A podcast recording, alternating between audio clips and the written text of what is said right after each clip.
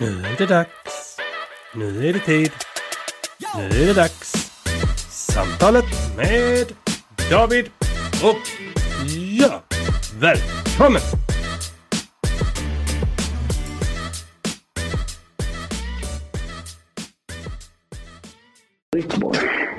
Ja, men det, alltså det där med mössor är ju eh, någonting som är rätt intressant. För eh, jag har noterat att extremt många eh, med MPF använder mössa och keps och luva.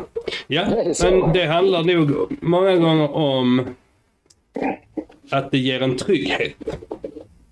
Det ger en känsla av skydd från omvärlden.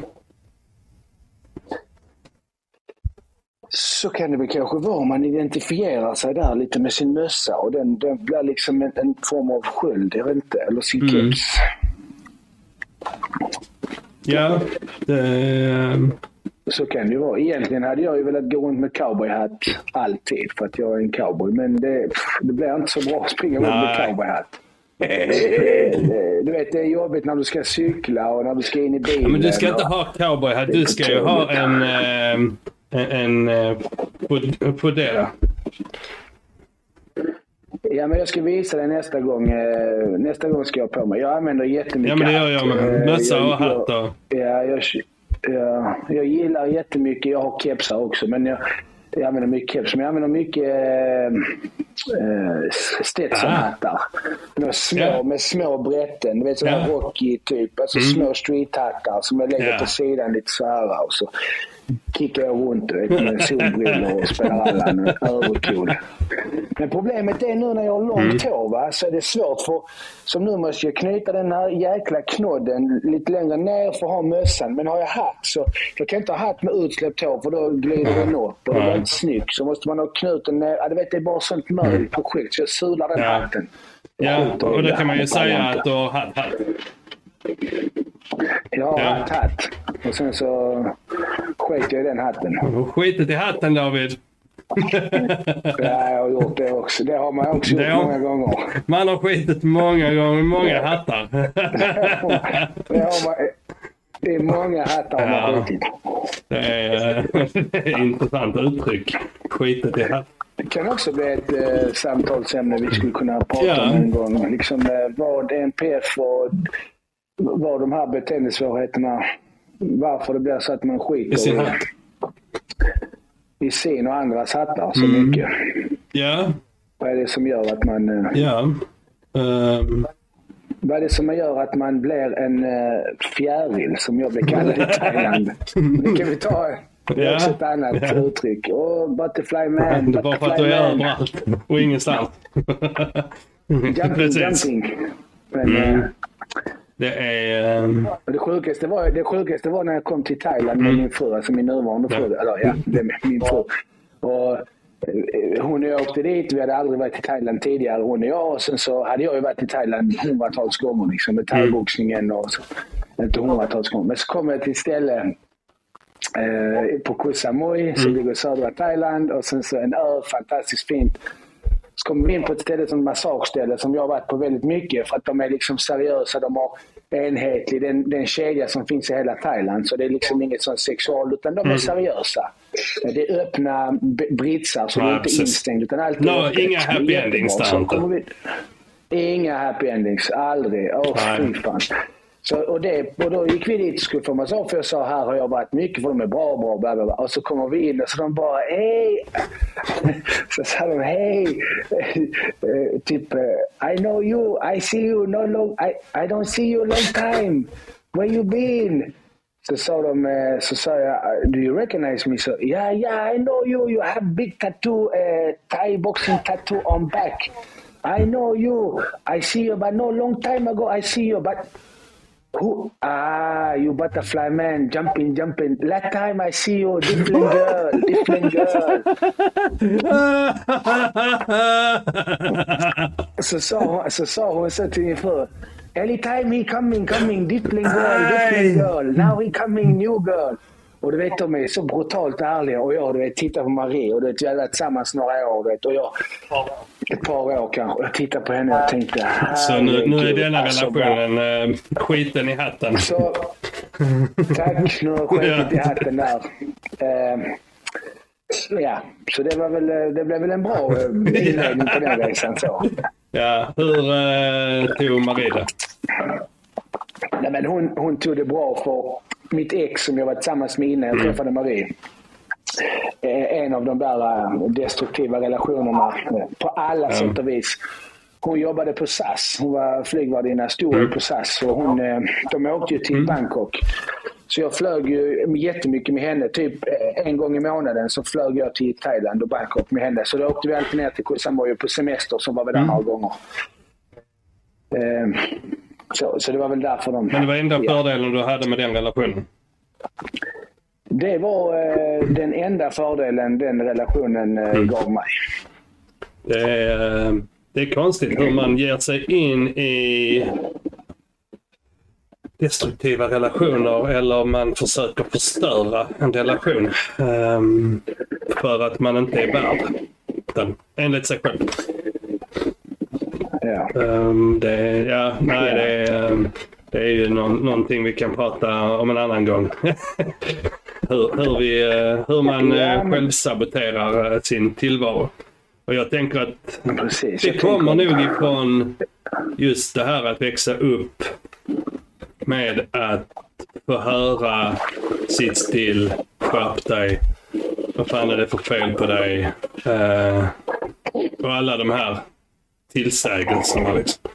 Det bygger ju en självbild som är misslyckande och, och negativ. Och går man då in i en relation så, och jag har ju sagt så själv många gånger liksom. Nej men du kommer inte palla med mig. Och så säger den här nyförälskade tjejen eller kvinnan bara jo jag kommer att finnas där för dig. Och det som händer när hon gör det, det är ju liksom att utmana mig till att jag skulle ha fel. Så helt omedvetet så kommer jag att lobba för att sabba relationen för att jag ska få rätt. Ja. Eh, vilket blir, eh, ja, men det blir ett självspelande piano liksom. Och det blir ju lite fel. För när vi hamnar i en konflikt då så kan jag ju lobba med um, Ja, ja. Nej, men eh, då är det kanske bättre att vi gör slut då. Ja.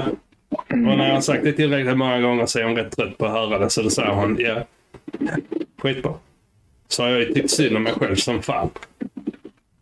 Um, men samti samtidigt så har jag ju liksom då satt mig på en högre häst och sagt Se, jag hade rätt. Du kommer inte till palla.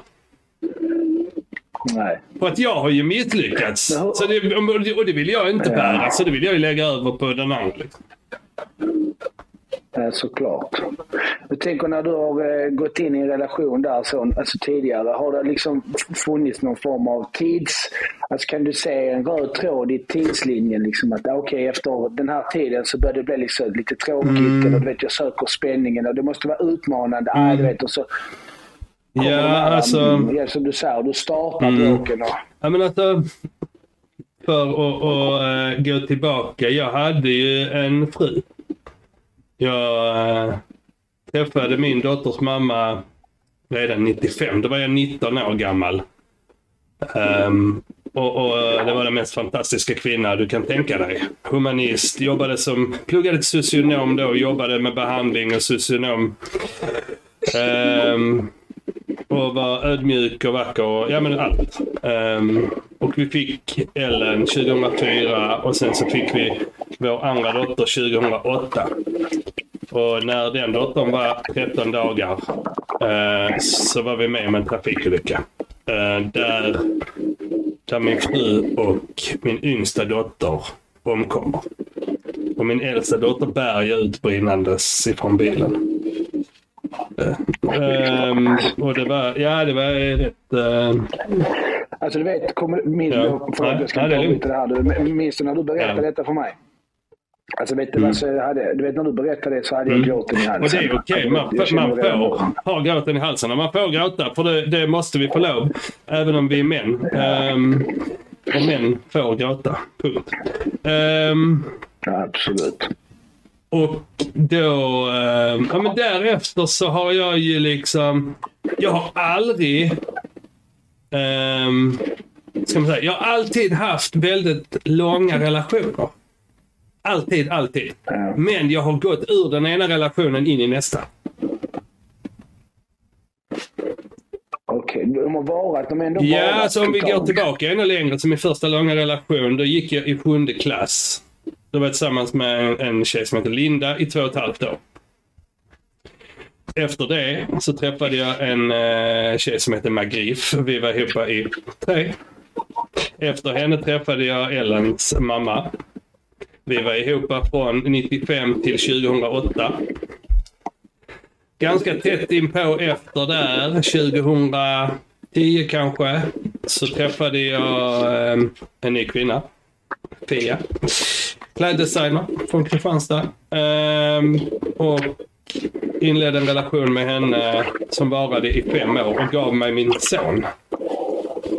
Um, så jag har en son på 10 som är född 2012.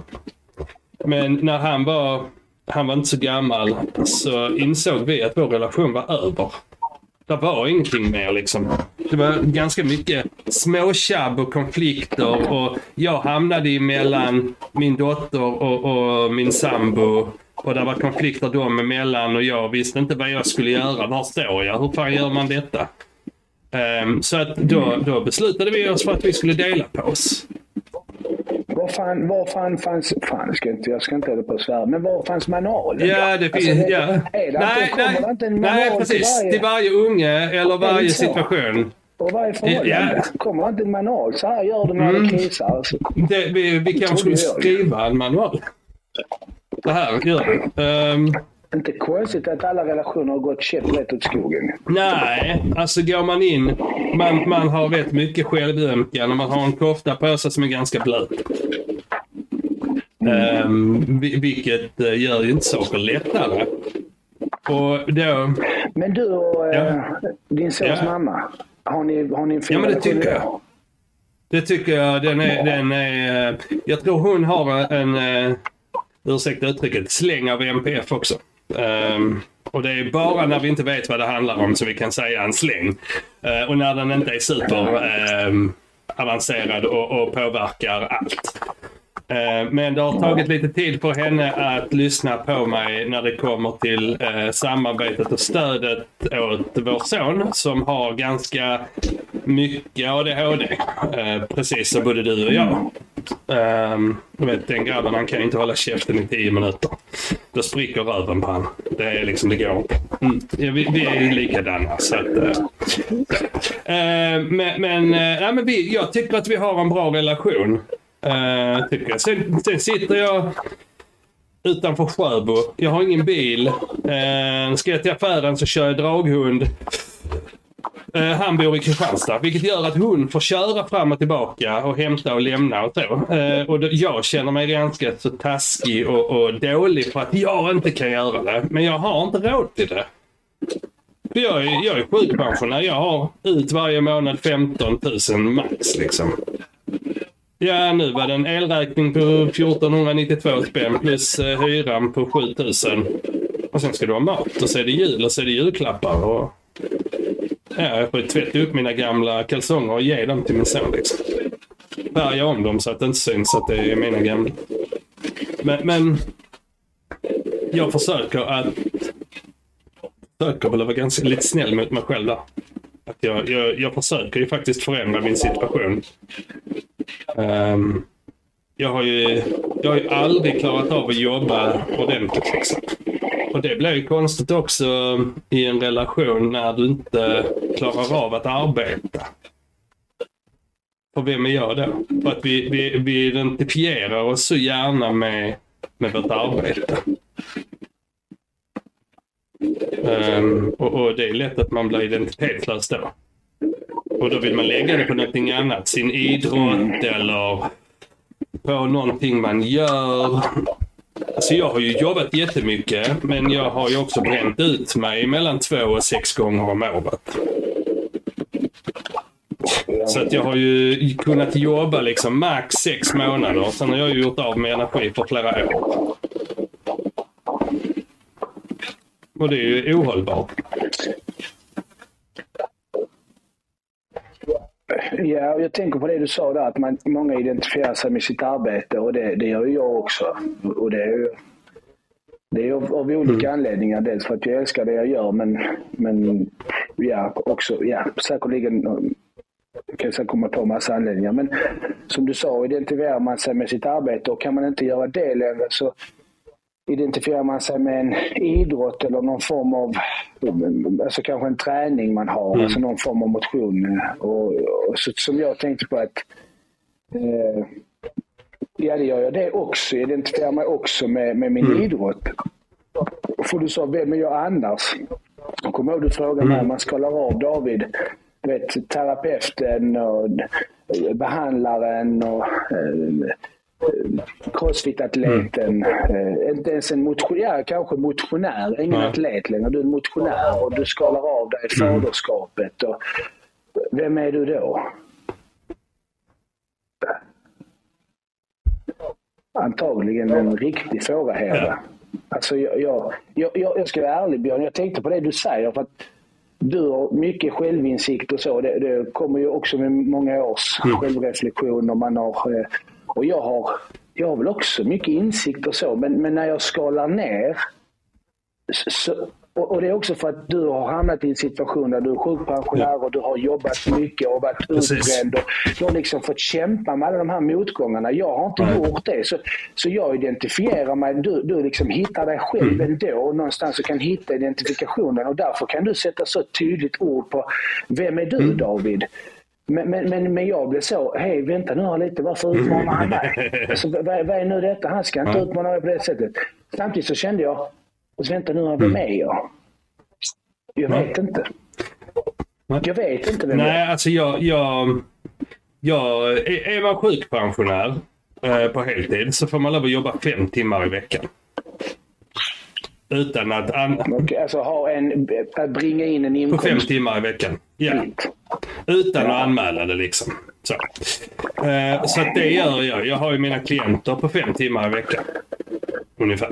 Ja. Eh, och skulle det bli mer så, så kan jag alltid pausa min sjukpension på 75, 50 eller 25 procent. Eller 100. Okay. Um, och, och liksom mäta min tolerans. Och den kan jag ha pausad upp till två år.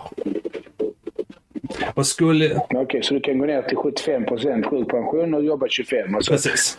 Ja. Testa gränsen. Ja. Liksom. Och, och, det kan jag ha under två år. Och skulle, det, skulle jag uppleva att det inte funkar så är det bara att kontakta Försäkringskassan igen och säga nej det gick inte, jag måste upp på 100. Okej. Okay. Och det är inget snack om saken. Och det är, det är fantastiskt bra. Det är superbra. För att det tillåter mig att slippa jaga eh, arbete. Det slipper...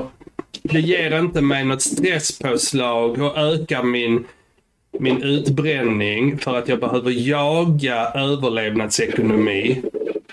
För att handledningen och mentorskapet och coachingen och samtalen och, och filosoferandet är ju, det är min livskraft. Att få dela med mig av mina insikter och tankar till någon annan och se hur de, hur poletten trillar ner eller hur de växer som individer och, och så. Det är min livskraft. Och det blir ju så konstigt när, när du ställs med kniven mot strupen och du måste ha in cash nu. För annars så kan du inte betala din hyra, du kan inte köpa någon mat, du kan inte göra någonting. Då måste du göra dåliga val. Och då tappar du fokuset på just den livskraften. Och då bränner du ut dig. Jag har aldrig motiverats av pengar. Jag ser ju behovet av pengar och det hade varit jävligt roligt att ha pengar. Speciellt när jag sa, ja men jag har ingen bil. Jag skulle vilja ha en bil. Eller jag fick eh, punka på träningshojen. Ja, men jag har inte råd att laga den. Hur löser jag detta? Det gör att jag, jag blir väldigt kreativ i hur jag löser saker. Jag har en hoj du kan låna av mig. Ja, Ja, ja, ja. Jag har en Ja. landsvägshöjd. Ja, nej, kan låna den av mig. Kan du, kan du köra kött alla Ja. dina Nej träningar. men alltså, förstår du hur jag tänker? Jag kommer Ja. ner med den. Nej, men, Ja, jag för förstår. att jag, jag, jag har ju varit sjukpensionär nu i sju år. Och jag blev sjukpensionär därför att när jag flyttade ifrån min sons mamma så mådde jag riktigt jävla dåligt. Jag hade varit iväg och tävlat i ultralöpning i Rumänien och sprungit eh, 19 timmar i bergen där. Och där var jag ju också helt jävla kass i huvudet. För att jag såg bara mig själv i min träning. För det var min identitet. Jag var ultralöpare liksom. Eh, så att jag kom hem en dag och sa, ja jag åker till eh, Rumänien eh, till helgen. Och då sa, sa hon bara, men eh, vi då? Ja vadå vi? Ni ska väl inte följa med? jag, jag var så inne i mitt liksom. Eh, så, så, och det var jävligt taskigt. Och Fia, lyssnar du på detta så förlåt. Ehm, när, när jag kom hem därifrån så kraschade jag. För då kom ju verkligheten ikapp igen. Och det tror jag att du kan uppleva när du varit iväg på games och varit i den, i den miljön hela, hela, hela tiden. Du är någon där och sen kommer du hem och så ska du in i, i, i eh, hamsterhjulet igen. Och så bara, men fan, vill jag detta? Är detta bra? Så tvekar man på allting man gör. Eh, och där kraschade jag. Så när vi flyttade tillbaka ner till Ystad från Kristianstad, jag och min dotter. Eh, så, så mådde jag dåligt. Och då gick jag till psykiatrin och då eh, började de utreda mig för bipolär sjukdom. Vilket det inte var ju, för det var ju ADHD. Men, men i samma veva så började min dotter må dåligt. Eh, och då gick hon i femte klass. Så hon, hon gjorde två suicidförsök i sjätte klass. Sista försöket var natten innan hon skulle börja sjuan. Um, ehm, och det var... Jag har burit ut henne i ambulans två gånger för att hon har försökt ta livet av sig. Um, och då hade vi liksom snackat med socialförvaltningen, vi hade snackat med BUP i, i över två år.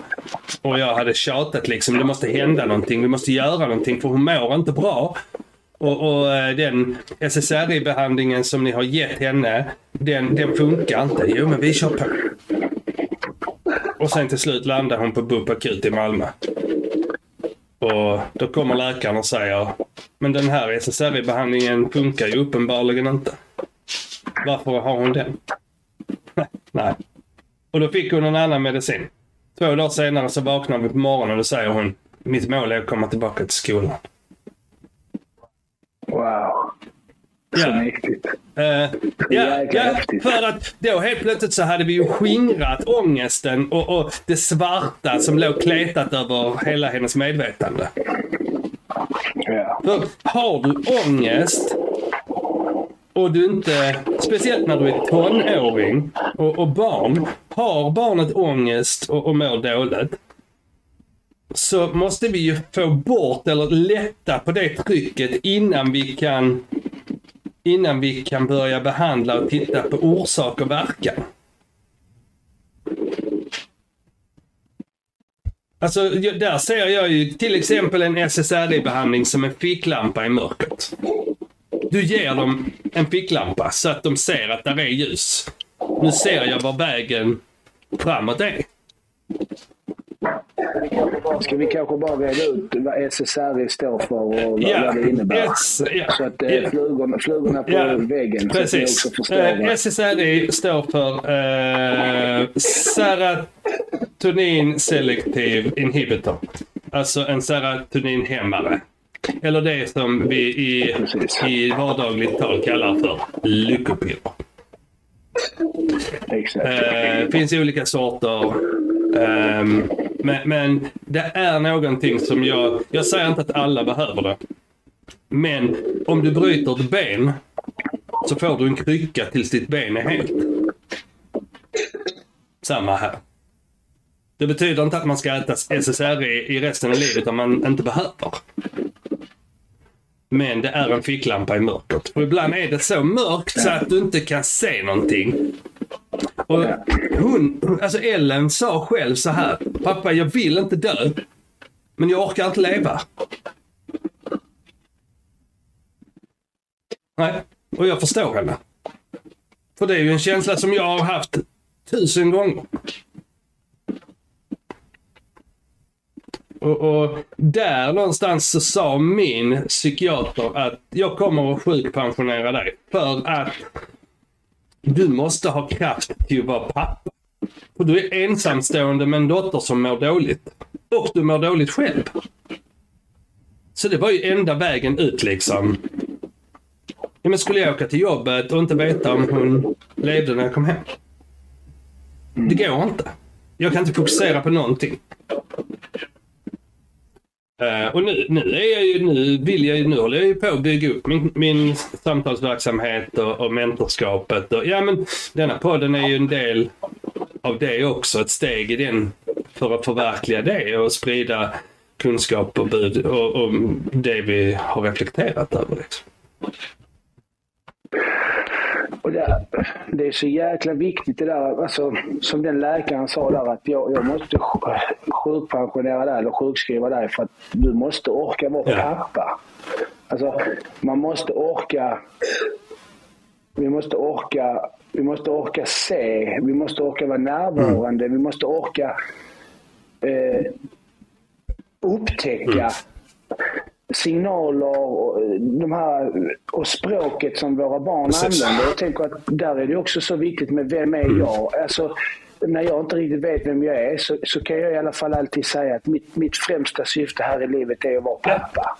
För, för det, är mitt, det är mitt första syfte. Mm. Det, det, det, det som jag är först och främst av allt på jorden så är det att jag är far till mina barn. Och om inte och då kan man ju identifiera eller kanske reflektera vad är min identitet som pappa? Är det att vara en gamesatlet eller bäst i världen på någon annan sport eller bra eller och, och liksom ge dem medaljer? Och, eller är det att liksom finnas där för dem, att liksom lyssna på dem? Att, som du säger, att Ellen säger att jag vill inte dö men jag orkar inte leva. Och att, att faktiskt att faktiskt höra det som pappa och, och ta det till sig och känna att okej, okay, okej, okay, jag hör vad du säger. Det här ska vi hjälpas åt med. Jag ska finnas här för dig istället för att bara som en annan förälder kanske. Ja, men åh, jag ansvarsbefriar mig lite grann för att jag bara skriker på psykiatrin. För jag måste bara ha hjälp, hjälp, hjälp. Men, ja. men, men, jag behöver ju också, samtidigt så behöver jag också ha orken och styrkan att vara mm. där. Ja, så många gånger så, där, det blir ju inte bra om jag i den situationen hade gjort att det handlade om mig. Men tänk på hur jag känner. Du kan inte hålla på så. Precis. Och det så har jag sagt. Jag har ju jag sagt till henne. Jobba, ja precis. nej. Mitt huvudsyfte där var att hon skulle överleva. Punkt slut.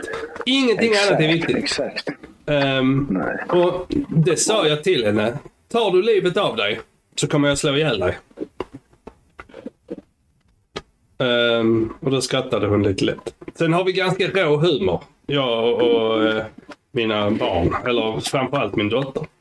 För hon med sin, efter bilolycka så fick hon väldigt mycket ärr på kroppen. Hon blev brännskadad till 65 procent ungefär. Så hela ryggen och bröstet, lite kind och bröt underarm, bröt överarm, bröt båda, äh, båda benen. Um, så hon har ju vuxit upp med en pappa med ADHD. Uh, eh, och jag är ganska övertygad om att hon själv har ADHD. Men hon kan hantera det. Hon klarar skolan och klarar relationer så. så att, men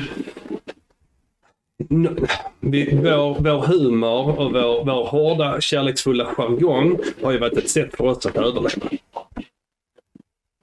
Som den julen när, när vi var hemma och så. Så min, min pappa och min bror och Ellen satt vid köksbordet och tjabbade. Och hela min familj håller på. Alltså man, man tetas och man häcklar varandra och man försöker sätta dit varandra verbalt med kärlek liksom. Ehm, och då så får min brorsa in en sån verbal femetta på Ellen. Så hon inte kan svara. Så hon svarar med Säger du så igen så tar jag livet av mig. Och hon säger det på skämt. Och jag står med ryggen emot. Så jag bara vänder mig om och säger, men du Ellen. Nu är det ju så här. Vi har ju pratat om detta. Vi ska göra det vi är bra på. Nu har du försökt två gånger och inte klarat det. Så fokusera på någonting annat istället. Så förlåt jag skrattar. Men Nej, men, för att det var inte hennes grej. Det, det var inte det. Nej. Eh, och det är ju ett sätt att avväpna situationen på. Att prata om det som är jobbigt. Genom humor eller genom skämt. ja. Och när hon var liten och hon var ledsen för, för att slå sig så brukade jag fråga henne så här, är detta det värsta du har varit med? Och då svarar hon ju alltid nej. Nej, precis. Då, då kan vi inte göra det till det värsta vi har varit med om. Att jag har dåligt med pengar, det är inte det värsta jag har varit med om. Det är skittrist och det är tufft emellanåt. Det är inte det värsta jag har varit med om. Att bära mitt brinnande barn är bara lite värre. Eller att växa upp med en sjuk mamma och aldrig veta om hon skulle leva när jag kom hem ifrån skolan var lite värre. Så allting, allting är ju... Man ser ju världen genom sina egna glasögon. Och glasögon byggs ju av den historia vi har. Ja, absolut. Sen såklart att det, alltså, linserna färgas ju av, av det man är med om. Trauma och... Absolut. Ja, men som nu det här med psykisk ohälsa av olika slag. Alltså man tänker att... Och, jag tror att eh, det är viktigt också att förstå. Ehm, och jag tänker att det blir lite som en... Eh, bättre ord, jag hittar kanske ett bättre ord, men säga en eloge. Men, men någonstans att, att, att, att kunna att bära, att bära sitt, sitt barn som brinner eh, ut ur en bil och, och mista en, en hustru och, och, och ett barn. Eh, det färgar ju också ens linser på ett sätt. Alltså, det, det, det i sig är ju en egen psykisk ja. ohälsa. Alltså det i sig, den händelsen i sig är en sån psykisk ohälsa så att det, det går ju inte, det finns ju ingen, har man inte varit med om något liknande så kan man inte, kan man inte ens försöka förstå. Och det är inte så att jag försöker förstå, jag bara Nej. tänker vilka färger och linser man ser världen på sen. Ja, liksom. alltså framför allt. Och, och tillsammans med... Alltså fördelen med att ha ADHD i det läget och min tidsblindhet är ju att när det hade gått någon vecka då uppfattade ju min hjärna det som att det hade gått skitlång tid. Alltså, det är ju länge sedan. För jag ser tid på ett annat sätt. Jag upplever tid på ett annat sätt. Uh, vilket gör att i sådana situationer så är det ganska bra att ha ADHD. För då kan jag komma vidare snabbare. Och fokusera liksom på vad behöver jag göra? Huvudfokuset där, Men i vilka- ja, huvudfokuset där var ju att Ellen skulle överleva på sjukhuset sen. Ja, såklart. Jag tänker att... Eh, jag- tänker där du sa där fördelen med ADHD där var att... Eh, och så förklarade du vad fördelen var. Det här med tidsperspektiv. Och, så tänker jag, vad, vad är det mer? Alltså, om vi säger så, att, för vi, vi är ju inne rätt djupt på det här med psykisk Ja. ohälsa och, och, och sen så kommer vi kunna komma tillbaka Ja, till ja. psykisk ohälsa Oh, många gånger. För att vi, jag tror att vi har Eh, Jag, jag kanske inte... Jag har ju varit eh, relativt djup i min psykiska ohälsa, tänker jag på mitt sätt, med ätstörningar framför allt och ångest så och destruktiva Ja. beteende. Så min psykiska ohälsa, jag, jag, jag märker ju det ju att ju mer jag nystar i mina garntrådar, som jag, jag har en hel Ja. säck med, med, med garntrådar som är onystade från mitt liv. Som jag håller på nu och liksom nystar Precis. upp i, som jag har hållit på med kanske de senaste 7-8 Ja. åren. Va? Ehm, och jag inser ju också att min psykiska ohälsa har bottnat eller grundat sig väldigt mycket i destruktiva beteenden, destruktiva relationer, du vet det här som vi pratar om, flyktbeteende på olika sätt. Men jag vill ju, jag vill ju ta det ännu längre. Var, varför har du skapat destruktiva beteenden? Ja, och jag skulle säga vad är det som är positivt med, med en ADHD-diagnos eller ha ADHD i i en psykisk ohälsa. Um... Alltså det som är, är positivt där är ju att när du väl får näsan över vattenytan igen och du börjar känna att livet kommer tillbaka. Går det ganska snabbt innan man själv uppfattar att det var ju länge sedan. Nu är det bara att köra på. Medan de runt en bara, du, du, du vet att du låg och, eh, och eh, kissade på dig på golvet för uh, tre veckor sedan och mådde skitdåligt. Men det är länge sedan. Det är ju oh, en hel livstid. Någonting med Davids app. Uh, ja, det slutade helt enkelt funka. Och ni kommer att få veta varför. Men därför blir det ett litet, litet hopp i inspelningen. Hoppas att det duger ändå. Det vet inte jag heller. Eller jag vet vad som hände, för det ringde. Jaha. Så jag tryckte av. Och när, ja. när det ringde så, jag vet inte om jag kan sätta den på flygplansläge. Testa. Jag gör så. Mm. Ja, det funkar. Jag hör dig. Ja. Fan vad lack jag blev. Det ringde så pausade appen. Så jag bara... Ja. Ring inte igen, carajo. Nej men eh, vi var... Ja, var fan var vi? Uh, Psykisk ohälsa, tidsblindhet. Tids, ja, men jag skulle säga det väl att uh, jag tänker att man, man, man uh, känslomässigt, alltså det här med alltså en del av den psykiska ohälsan som jag inte tänkte på då. Så, mm. Som jag tänker att du kanske, du kanske kan relatera till eller mm. så. Men det är att den här känslomässiga av och på-knappen. Ja jag, jag, kun, jag, har liksom i princip alltid kunnat välja när jag ska känna någonting och inte känna någonting. Och, eh, I vissa lägen så är jag jättekänslomässigt investerad. Eh, I andra lägen så investerar jag inte ett gram av känsla. Liksom. Och, och det gör ju också att det blir det har ju blivit fruktansvärt destruktivt. Ja, så det, där har jag ju funderat ibland på. Är, är jag psykopat? Ja, du satte ju ordet, du satte ju spiken i, på ordet där liksom, eller myntet, ja. la myntet på ordet eller vad jag ska säga. Ja. Men det är precis Nej, men så alltså, jag Ja, för, för, jag är ju likadan. Um, om du gör du mig oförrätt och jag stänger den dörren så går det inte att öppna den dörren igen. Är relationen slut så är den slut. Ja. Och så tror jag att när man, när man pratar om, för jag tror att många, jag tror att självklart att många känner igen sig så att ja men och man tänker att man kanske är så, jag, jag är kanske psykopat för att jag känner ingenting eller vad det kan vara. Men, men man ska också veta att det är mycket mer djupt rotat än så. Eh, att,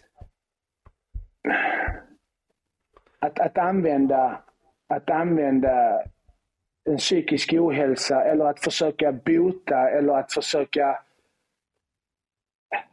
inte bota, men att försöka behandla min psykiska ohälsa då, som jag inte fattade var psykisk ohälsa.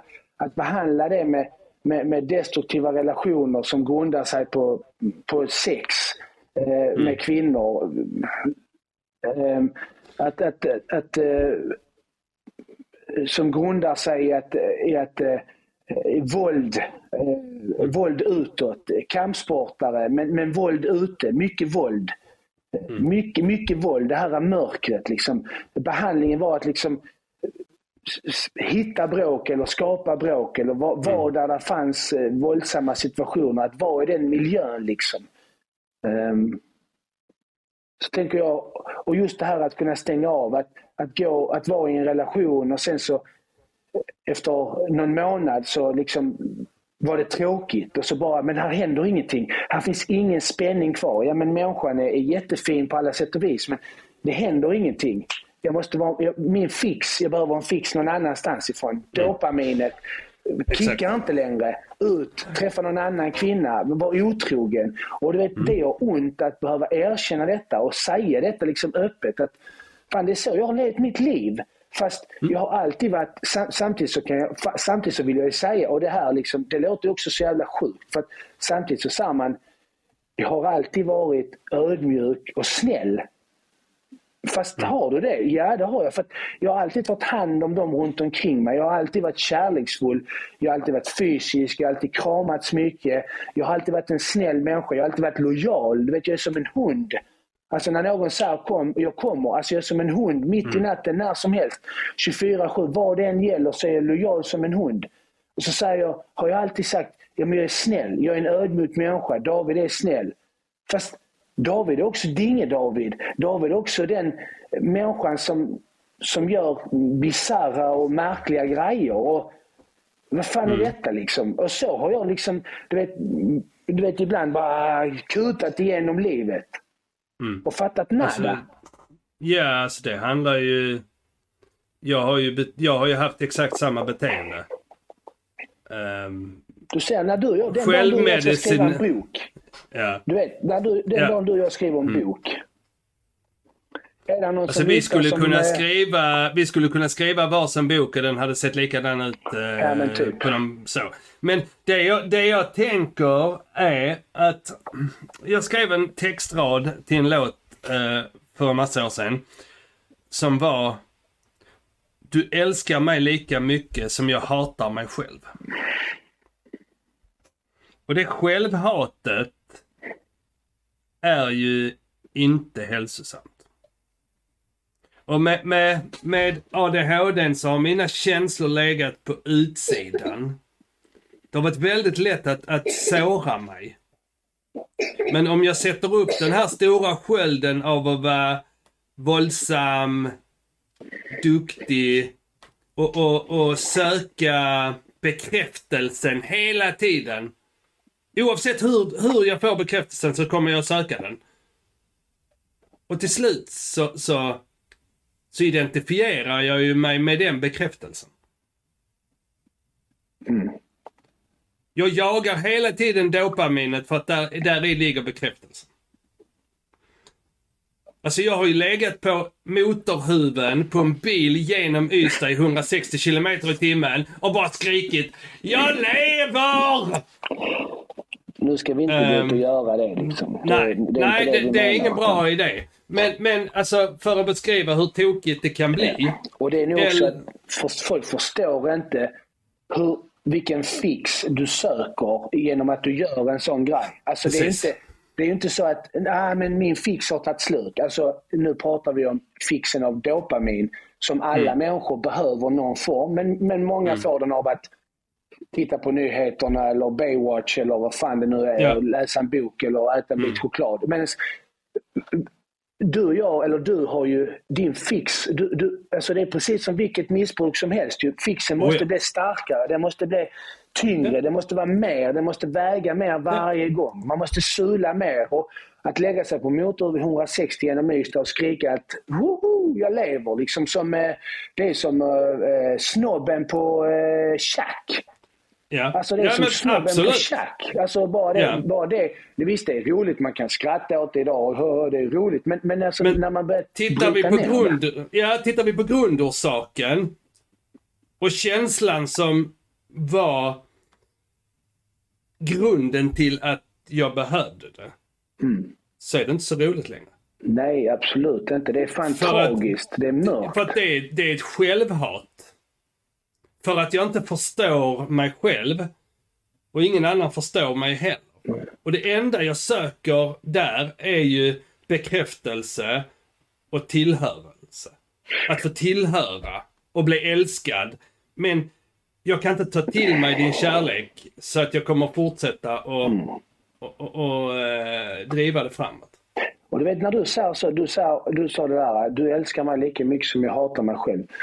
Eh, så tänker jag så här, och jag har ju tänkt på detta här, eh, inte, inte så i tio år, men de senaste mm. åren. Vet, man har blivit mm. mer självreflekterande och man har börjat liksom så, alltså fasken det här är jäkligt jobbigt. Jag har inte fått min eh, diagnos än men det här, är, alltså, vet, det här är jobbigt att leva med. Dels ADHD mm. som jag, jag visste att jag hade. Va? Det, ja, ja. Eh, och, och den psykiska ohälsan som jag haft, liksom, eh, som jag har bearbetat och blivit bättre och så vidare. Men det här självhatet. För hade du frågat mig liksom för 15 år sedan, eh, eller 20, ja 15 år sedan, 17 år sedan, så, så hatar du dig själv. Hatar mig själv. Jag älskar allt. Vet, jag tränar, jag försöker se bra ut, vet, det är mm. brudar, vet, jag player, vet, jag träffar brudar hit och dit. Jag har hur mycket polare som helst. Jag dricker knappt alkohol för då bara ska jag välta upp och ner på hela stan eller pryla någon eller hamna i problem. Men du vet så, det är bara Men du snedtänder på alkohol också? Ja, ja, ja. Det har aldrig, ja, men det gör jag med. Jag har nog aldrig druckit utan att jag har varit destruktiv. Alltså aldrig, Nej. aldrig. Så, så när jag insåg det så slutade jag dricka. Men då insåg jag också att okej, okay, men när jag, när jag inte dricker så är jag mycket mer skärpt i andra destruktiva beteenden. Vilket gör att okej, okay, men när jag dricker så är jag liksom destruktiv i alkoholen. Men, men de andra destruktiva beteendena, fixarna, så får jag inte för det är alkoholen som, som tar över. Precis. Men vad händer när jag inte dricker? Ja, men nu är jag så jävla skärpt i de andra destruktiva. Och jag hade ju sagt till mig själv, jag lever ett bra liv. Du vet, jag tjänar pengar, du vet, jag är det, jag jobbar, tränar, ser bra ut, fightas, du vet, oh, pang, pang, jag är grym, du vet, thaiboxning eller vad det nu var. Oh. Men sen så, fan jag hatade ju, alltså jag hatade ju hur jag var egentligen. Jag hatade mm. mig själv för allt jag gjorde. Jag hatar mig själv för alla...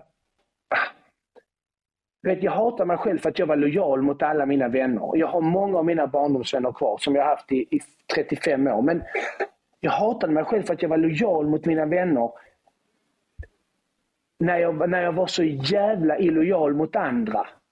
Mm. Jag hatar mig själv för att jag var så jävla illojal mot många men så lojal mot andra. Jag hatar mig själv för att jag sökte fixen eller hela tiden. Jag hatar mig själv för att jag sökte inte en, en högre kick. Så som, alltså jag la inte på en bil, men, men jag sökte den oftare. Så, så det blev mm. liksom, he, du vet till slut så blev det pang, pang, pang. Hela tiden, hela tiden, hela tiden. Och så nu, nu i efterhand så kan jag ju tänka så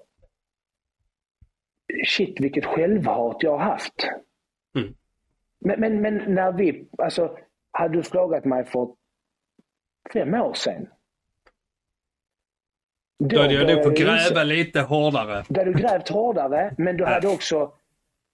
Men jag hade, jag, hade, jag började inse det då, men du vet, mm. det har varit så fruktansvärt jobbigt att inse mm. det här självhatet man har haft på grund av hur man har varit. Och den mm. här maskering hela tiden. Maskera mm. utåt, maskera, maskera, maskera. Precis. Överallt, överallt. Och så bara identifiera mig. Ja, men, hur kan jag identifiera mig? Ja, men med arbetet, ja, men med träning, ja, men med polare, ja, men mm. det är det, ja, men det är det. Ja, men så, så är man liksom en, en, en bra, ödmjuk, snäll person. Fuck off! Jag var inte någon jävla ödmjuk, snäll. Jag var snäll, men jag var fan inte ödmjuk mot någon. Allra Nej, men framförallt tänker jag, precis. Allra precis. minst mot mig själv. Jag var ja. min största älskare och jag var min största hatare.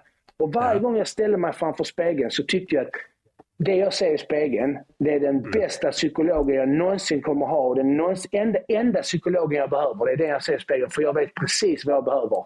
Och så började min dag och så gick jag rakt ut och så gjorde jag precis samma jävla destruktiva snedtramp ja. som jag alltid gjorde. Och träffa, du vet, alltså man bara... Mm. Och, och eh, jag, jag tänker ju... Jag tänker ju att det, det har ju... Det har ju varit en resa för mig också liksom. Att inse hur... Vilket jävla svin jag har varit mot mig själv. Och är jag ett svin mot mig själv så läcker det ju över på andra människor. Um, och då kan jag inte heller vara ärlig mot andra människor. Om jag inte förstår mina egna svårigheter så kan jag inte vara ärlig mot andra. Nej, så är alltså, det ju. Jag ska läsa, jag har min Tinder-profil, jag ändrade den för att jag ville vara ärlig. Ja, för att jag skulle vara ärlig. Och då, då skrev jag så här. Då ska ni veta, Eh. ni, ni flugor på väggen här nu. Va? Han, han, han skickar också eh, Tinder-förslag till mig. Om jag, skulle, om jag, till den dagen jag blir singel så skickar han då Tinder-förslag och säger du, nu eh, blir du singel här nu så eh, i dagarna så har du här du kan söka. Ja. det var ju också en transvestit. Det var en, eh, en gullig. Ja. ja men då har jag skrivit så här. Sapiosexuell ADHD-man från Skåne med mycket fart, mod och välvilja och passion. Söker dig kvinna som är snabbtänkt, intelligent, uppskattar närhet, kommunikation och öppenhet. Drömmer om en relation men är fortfarande ganska rädd för att bli sårad. Vem är inte det? Sex är viktigt. För att jag måste vara ärlig. Med hur jag funkar.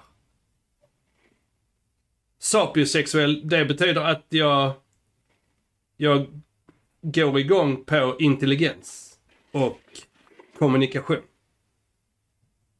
Och det har jag alltid gjort. Jag har aldrig fixat att ha obetydelsefulla ligg. För jag har mått så jävla dåligt av det. Det är ju därför jag har Alltså- gått in i långa relationer Ja, alltid. okej. Du har dragits av den attraktionen. Du menar, Ja. Så du menar obetydelsefulla engångs eller var liksom Nej, precis. Funkar gånger, inte. Träffas Nej, några funkar gånger, några veckor, några månader, hej då, nya. Fem, sex Nej. stycken varje, samtidigt liksom under en Nej, sex månadersperiod. Absolut. Nej, absolut inte. Nej. Eh, och, och där är det ju också så att min tidsblindhet och min lojalitet gör ju att när vi har varit ihop i, i eh, en vecka så kan jag ju säga att jag älskar dig för att jag älskar dig nu. Just nu när jag säger det så gör jag det. Mm. Det betyder inte att jag gör det om tre år. Det betyder inte att jag gjorde det för tio minuter sedan. Men just nu känner jag så då vill jag säga det. Vilket kan uppfattas väldigt eh, konstigt. Av det- den som tar emot det. Men precis, och det är också en, en av de här eh, MPF-grejerna liksom. Att leva nu. Ja, leva nu. Och det, kanske jag tänker mycket med ADHD, det här med att, som jag sa sist då, att jag lever i sexans växel och sover i trean. Så, som du Precis. sa, du söker kickarna. Ja, vi är båda eh, allt eller inget. Jag har alltid Mm. varit allt eller inget i allting jag har gjort. Jag lägger min, min, mina känslor på min arm. Och, Ja. ehm, jag älskar till 100 procent och jag Hatar till 100%. hatar till 100 procent. Det, finns, Ja. det är svårt med mellanlägen. Ja. Eh, och det har jag också Alltså varit. jag kan ju inte heller tycka illa om någon lite grann. Nej, nej, det är antingen eller. Ja. Ja. Och därför alltså, blev jag- som jag- du sa, du älskar, jag älskar dig nu, för det är så du känner just nu. Mm. Jag gick fan, jag blev ju kär. Jag träffade någon eh, på fredagen och gick hem och sen så på måndag morgon när personen lämnade mitt, eh, min lägenhet för att skulle gå till jobb eller var den personen skulle så, så var jag ju kär. Alltså Mm. då var jag ju kär. Då var det ju så, så träffades vi några veckor så du ska du inte komma hem till mig och sova hos mig eller du kan bo hos mig. Du flyttar in till mig. Alltså, det var inga Precis. problem. Du, du, kan bo hos mig. Alltså det var så direkt. Och sen så, men jag Mm. Ja. visste om jag Att visste det inte kom om, till funka. det kommer aldrig funka. Jag visste om att om Nej. en månad, två veckor, tre månader så är du, hej då. Så Ja. är det tack och Ja, hej. och det, det, så har jag ju också gjort. Och jag, jag har ju varit så jävla konflikträdd och varit rädd för att såra människor så att jag har ju stannat kvar i saker som jag har mått Ja. dåligt av. För att jag inte har vågat göra slut. Um, och, och för ett år sedan träffade jag en kvinna. En helt fantastisk kvinna. Som är snabbtänkt, smart uh, och hela den. Och hon var den första som sa till mig. Fattar du hur intelligent du är egentligen? Och jag har liksom vuxit upp med att tänka att jag är korkad. Uh, för att det fick jag ju höra när jag gick i skolan, att jag kommer aldrig bli någonting. Men där någonstans så förstod jag, började jag förstå mina svårigheter. Och vad som händer när du har, har ADHD tillsammans med en högre intelligens. Att det funkar inte alltid. De krockar liksom ganska ofta. Ehm, Men du sa något Och- jäkligt, jäkligt intressant där eh, när vi pratade om du, Mm. du pratade om att vara högintellektuell eller att vara intelli- intelligent och har ADHD. och ha ADHD. Du sa någonting som Ja. var så jäkla bra där. Mm. Ska man nu det? 2E kallas det för. Eh, twice exceptional. Då har du en hög intelligens så att du skulle kunna ta till dig massor med kunskap. Men du har din ADHD som står och motarbetar sättet att ta, ta, ta det till dig. Så att i skolan funkar det inte för att det är inte det sättet du lär dig på. Nej. Jag lär mig, jag personligen lär mig top to bottom. Jag måste vara intresserad av forskningen och börja där. Och är det någonting i den höga kunskapen som jag behöver lära mig för att komma vidare så går jag tillbaka ner till grunden och lär mig det och tar med det upp och sen... Okej, du börjar motsatt. Ja, jag, börjar, sen- jag kan inte börja långt ner på grund för att jag tycker det är så jävla tråkigt. Ja. Det tar Så lång tid. Precis, så du blir intresserad av resultatet. Och är Ja. det intressant Och sen- så går du tillbaka precis. till frågan liksom. Och, Ja. Och, Utredningen, och, vad kan, säga. ja, men jag, jag, jag pluggade kvantfysik. Och, och, eh, och, och liksom för att jag kan tänka lite bredare. Och så insåg jag att jag behöver lära mig att, eh, att eh, använda diskret matematik. Ja men då fick jag ju lära mig diskret matematik. Så att jag kunde beräkna kvantfysiken. Ja. För att jag är helt värdelös på matte i vanliga fall. Alltså vi snackar matte, jag, jag är helt rudis. Men när jag behöver det till någon, något högre syfte så kan jag lära mig det. För då är det en vinning med att lära sig. ja, exakt. Där sa du någonting jäkligt viktigt.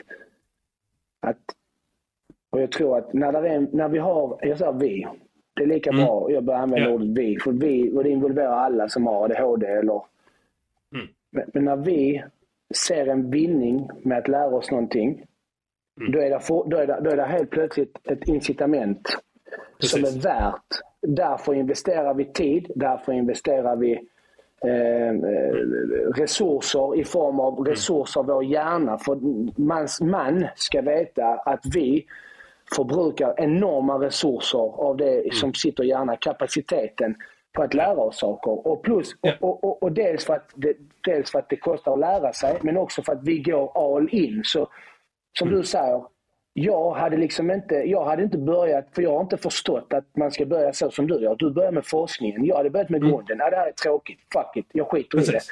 Men sen så träffar jag dig, så säger du, vet du vad?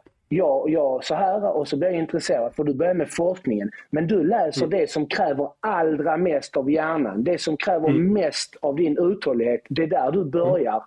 Mm. Och där ska man veta att det, det, det, det klarar man inte av i vanliga fall.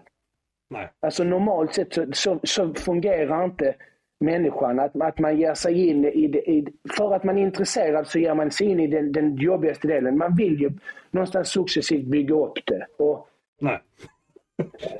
Det är bara slöseri med tid. nej, för oss är det det. Eh, Ja. För oss är ja, det. Och, ja. det. och det är det som gör att, precis som du sa, det här med att vara in, intelligent men att bli, bli motarbetad av sin diagnos eller av sina beteendesvårigheter. Ja.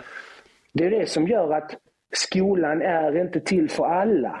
Just det här Nej, med att, att skolan är en teoretisk arbetsplats. Men, men, men vi kanske inte fungerar, vi med många andra barn fungerar inte på det sättet. Så att, Ja, alltså ska man trigga ett, någon med ADHD att lära sig någonting. Dels så måste det vara det absolut intressantaste i rummet. ja. Annars så funkar det inte. Kan, kan läraren göra mig intresserad så kommer jag ha fokus. Och det finns lite olika sätt. Eh, ett, ett sätt som man kan göra är att säga så här. Du David, eh, jag tänkte att idag så skulle... Nej förresten, skit i det. För vad händer där? Va? Vad var det nu? Vad var det du sa? Nej men jag tror inte du klarar det. Som en Så att vi skiter i det. Ja. För då, då triggar jag din nyfikenhet. Och då, då är det mycket lättare att få det med så. tacket. Sen en annan sak, förlåt jag avbryter bara så jag inte glömmer det. Ja, det är. Men som jag vill att alla, alla våra eh, Flugor. flugor, våra förnämliga flugor ska lyssna på och höra. Det var någonting som du berättade för mig eh, som din son, en strategi de har i skolan. Mm. Och det var fantastiskt. Ja. Varför Eh, jag vill att du ska berätta detta, och, förlåt, det är för att Mm. Det har varit flera som har skrivit till mig på DMs nu, eller ett par stycken som har skrivit att de gillade första avsnittet jättebra Mm. och att de kände igen sig. Och någon som har berättat att men jag har en son liksom, som har Mm. en diagnos och så, som det är jättesvårt i skolan. Och, så. och då bara tänkte jag på den här strategin. Men Mm. Ja, just jag, Wow, om du lyssnar Ja. nu, jag ska inte säga ditt namn för jag är tacksam att du liksom gav oss positiv feedback. Men lyssna, och ni alla andra, Mm. Ja. alltså bara lyssna på detta. Min son är 10 år, går i fjärde klass. Eh, han har ingen officiell diagnos, men han har fått anpassningar i skolan. Han har fått en anpassning som är, eh, vad ska man säga? En, eh, vad kallar de det? En stoppknapp eller liknande. Eh, vilket gör att när han eh, behöver ta ett break så lägger han fram den här knappen. Och så får han gå ifrån. Får han en paus liksom. Ja, pausknapp. Och då frågade hans eh, kompisar, du, eh, varför har du den pausknappen?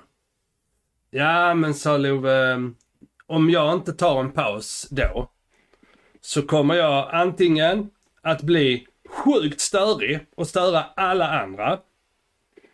Eller så kommer jag inte kunna koncentrera mig och börja juxa eller bara resa mig och gå. Vilket stör alla andra. Och lägger jag fram pausknappen så kan jag gå ut i korridoren, göra någonting annat en stund och, och, och ladda batterierna, sen komma in igen. Och vara fokuserad. Och då säger eh, polaren så här, ja men eh, oh, en sån skulle man ju haft. och då säger Love, ja du kan låna min. Nej men, nej men just det där att, att när, när det börjar bli sockerdricka i fötterna och jitterbug i knäna. Då, då, är det dags liksom att eh, trycka på pausknappen och resa sig. Ja. För annars så kommer jag glida ur stolen. Eh, sitta och fundera på eh, vad jag ska göra efteråt. Eller undra om den här saxen gör ont att hugga i armen. Jag testar. För att jag har ingen impulskontroll. Eller jag kommer att sitta och rita på bänken. Eller se hur mycket jag kan dra mitt papper över handen innan det börjar skära liksom. För att jag är uttråkad. Eller ställa sig och pinka i papperskorgen och snyta sig i gardinerna. Som... Ja, eller skjuta suddgummi på, på någon som sitter längre fram. Och, Och varför jag tycker den här... Och jag tänker så att anpassningen man gjort i skolan rent generellt är att man då har kortare lektioner. Man är nere på kanske i de lägre åldrarna 35 minuter eller så 30 minuters lektioner. Så 40 när de kommer bli lite äldre. Man har ju sett forskning som visar på hur länge hjärnan pallar sitta koncentrerad. Allting det här, det är fantastiskt. Det är jättebra. 30 minuter.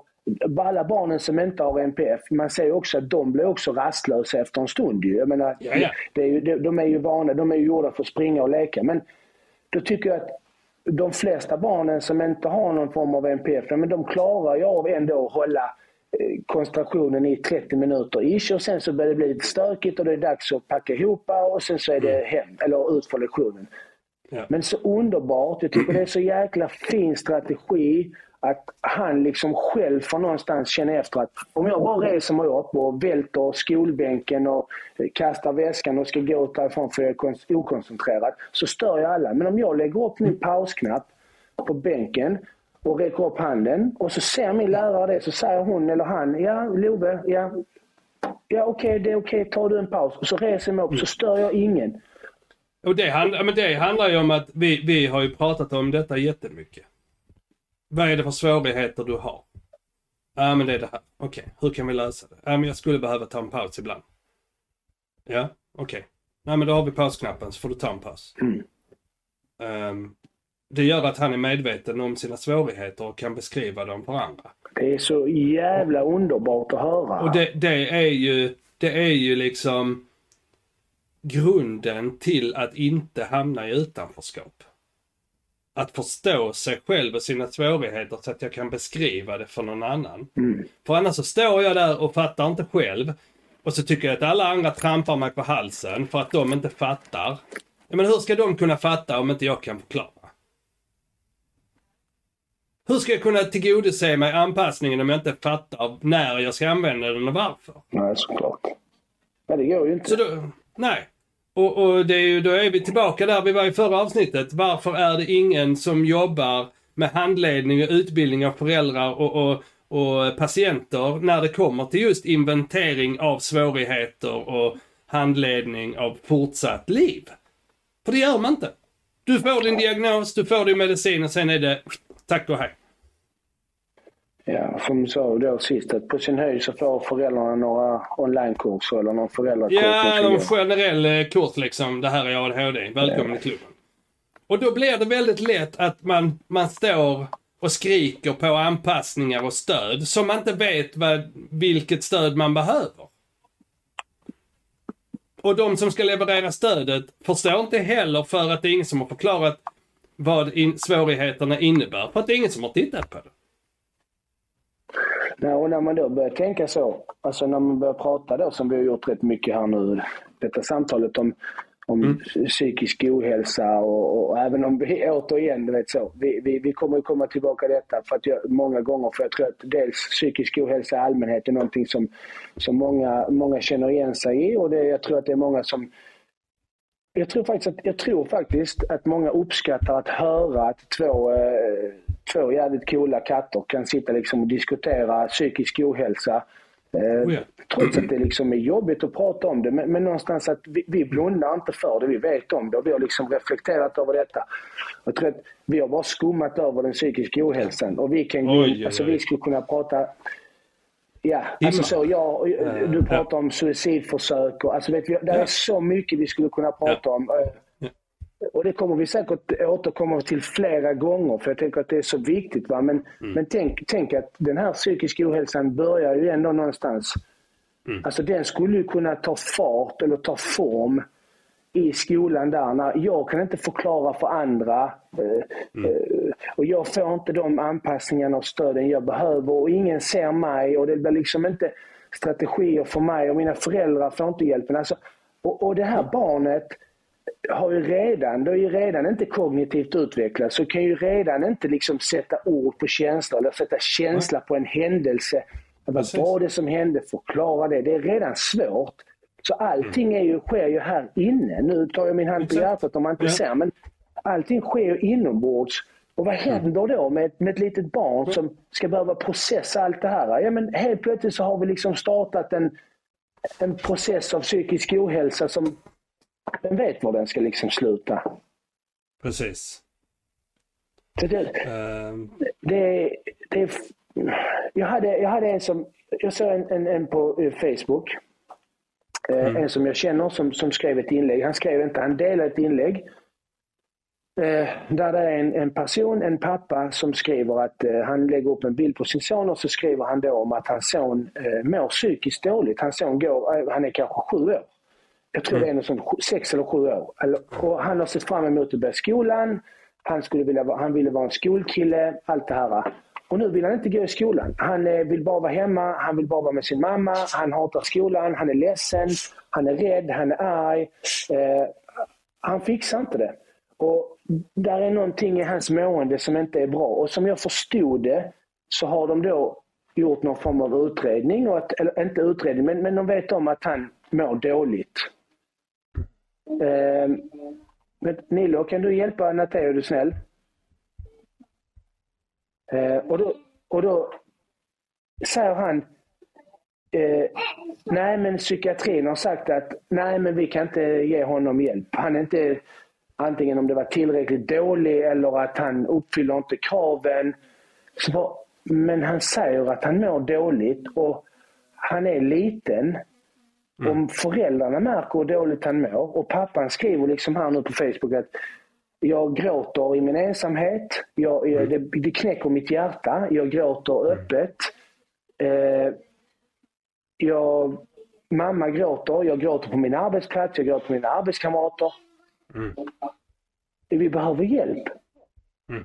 Och, och då, då skickade jag ett meddelande till, till den här som jag känner som delade och skrev liksom att men, men jag skulle kunna, jag skulle kunna hjälpa er just med, med tanke på det jobbet mm. jag har och på den mm. insatsen vi, vi jobbar med. Och att vi skulle kunna nå ut till andra. Men sen så tänkte jag även på dig. Mm. Så tänkte jag att, vet du vad?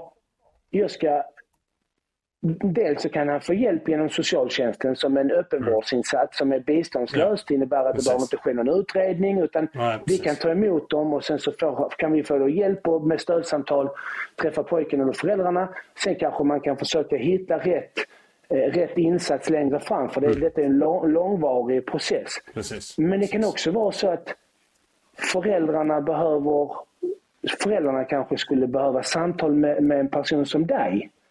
Ja. Som har egen Ja, ja. verksamhet. Så jag tänker Precis. att nu tänker, då tänker jag att jag ska ju skicka ditt namn och telefonnummer. Ja. Självklart om det är okej Ja, med ja. dig. Liksom. Ja, ja. Oh, ja. Säga Oh, ja. att eh, jag kan liksom ge en, en, en, en renommé. Men, men den här personen kan också hjälpa er. Va? Mm. Eh, för att, även om vi, jag säger att vi på min arbetsplats, Mm. vi är ju eh, experter inom de områdena där vi jobbar. Vi får Mm. jättemycket olika typer av ärenden och mycket relationsfrågor, mycket så här Mm. eh, impulskontroll och konflikter och så. Och sen så är vi bra på olika saker. Eh, vissa är jättebra på hot och våld, eh, Mm. Precis. vissa är jättebra på hedersrelaterade, vissa är bra på allt, bla bla bla. bla, bla, bla. Men psykisk ohälsa tror jag att det är flera av oss som är duktiga på. Mm. Men har man inte suttit med skorna i bajset, förlåt mitt uttryck, men har man inte suttit med skorna i bajset och luktat på Precis. den så är det svårt att faktiskt vara Ärlig. ärlig och det är svårt att... För man kan aldrig säga jag förstår hur du mår. Man kan säga jag försöker. Men jag kan aldrig säga jag förstår. Så därför. Precis. i min värld är det så viktigt att många gånger att, att barn, familjer, föräldrar kanske får den externa hjälpen och kan söka Mm. sig till dig privat. Liksom, och, Ja, och, och där skulle jag ju egentligen vilja att, att man kanske så här, att, att ni säger så här, ja men vi har en extern och, och vi, vi köper in den tjänsten av honom. För, för många av de här föräldrarna har inte råd att lägga 850 spänn på 45 minuters samtal. Nej, det är klart. Nu som tur är, för han som den pappan till det här barnet, Mm. Ja. han, han driver ett väldigt eh, framgångsrikt företag. Så, så att, Ja, jo men alltså överlag liksom. Så, så är det ju väldigt lite nej, ekonomi. ja, det är klart, det, det Ehm. förstår jag ju. Och där försöker man sig till en väg in och första hjälpen. och Precis, och igenom. får ingen hjälp. Nej, och får eh, väldigt lite hjälp. Och nu speciellt Mm. så som på de här, alltså den här delen av psykiatrin, en väg in och första hjälpen och så. Den första linjen heter det, inte första hjälpen. Mm. En väg in, de har ju haft, när de har bortfall av sjukdom, så har de inga ersättare. Så Mm. Om de har, jag har ingen aning om hur många, men om de är 20 som jobbar där, om de har sju som är borta, ja då blir de ju Precis. Mm. överbelarmade. Och då, då svarar de inte. Precis. Eller säger de, tyvärr vi kan inte hjälpa dig, ring tillbaka. När då? Ingen aning. Nej, precis. Okej, Precis. men, men en person som Alltså en person som mår dåligt, ingen aning. Det är liksom Behöver som hjälp att... Behöver hjälp nu. Det är som att stänga, då, då stänger vi dörren för folk som mår dåligt. Och det som är bra här för oss det är att, det är att jag, jag, kan ju, ja, men jag kan ju säga ja, men du, vi kanske kan kolla med föräldrarådgivning eller så för att de har mm. obegränsat med samtal. Det har inte vi. Eller jag kanske kan, eh, jag kanske kan ringa till eh, en väg in och liksom berätta vem jag är. Men, men det kommer inte alltid hjälpa. Eller så kan jag säga så. Där är också ett alternativ som jag tycker att ni ska fundera på. Och det är så här. Jag, har, jag känner en som heter Björn. Så här, detta är vad han gör. Alltså kontakta honom. Sen så får man ju välja Precis. ju. Alltså att, Ja, liksom ja, ja. precis. Eh, så att... Men du David. Ja, eh, nu har vi hållit på i över en timme. Ja, det, det, är så jävla roligt det här. Vet du. Det är så jävla intressant. Men jag, jag ser att eh, inspelningsprogrammet här, det håller på och där står eh, att eh, den inte loggar in och, och spelar in vissa delar av eh, ditt. Så att jag, eh, det ska bli intressant att se om vi har fått med hela. Ja, vi får väl se. Annars Ehm, får vi släppa det vi Annars har. får och vi klippa ner, klippa ner och, och släppa det vi har liksom. Ja, och så... Tänker jag. Ehm, precis. Men eh, du igen, David. eh, ja absolut, absolut. Och du, eh, tills nästa gång. Tills nästa gång. Puss och kram. Puss och kram. Vi ses på stan. Så hörs vi. Det gör vi. Hej. Ha det. Hej. Du har lyssnat på Samtalet med David och Björn.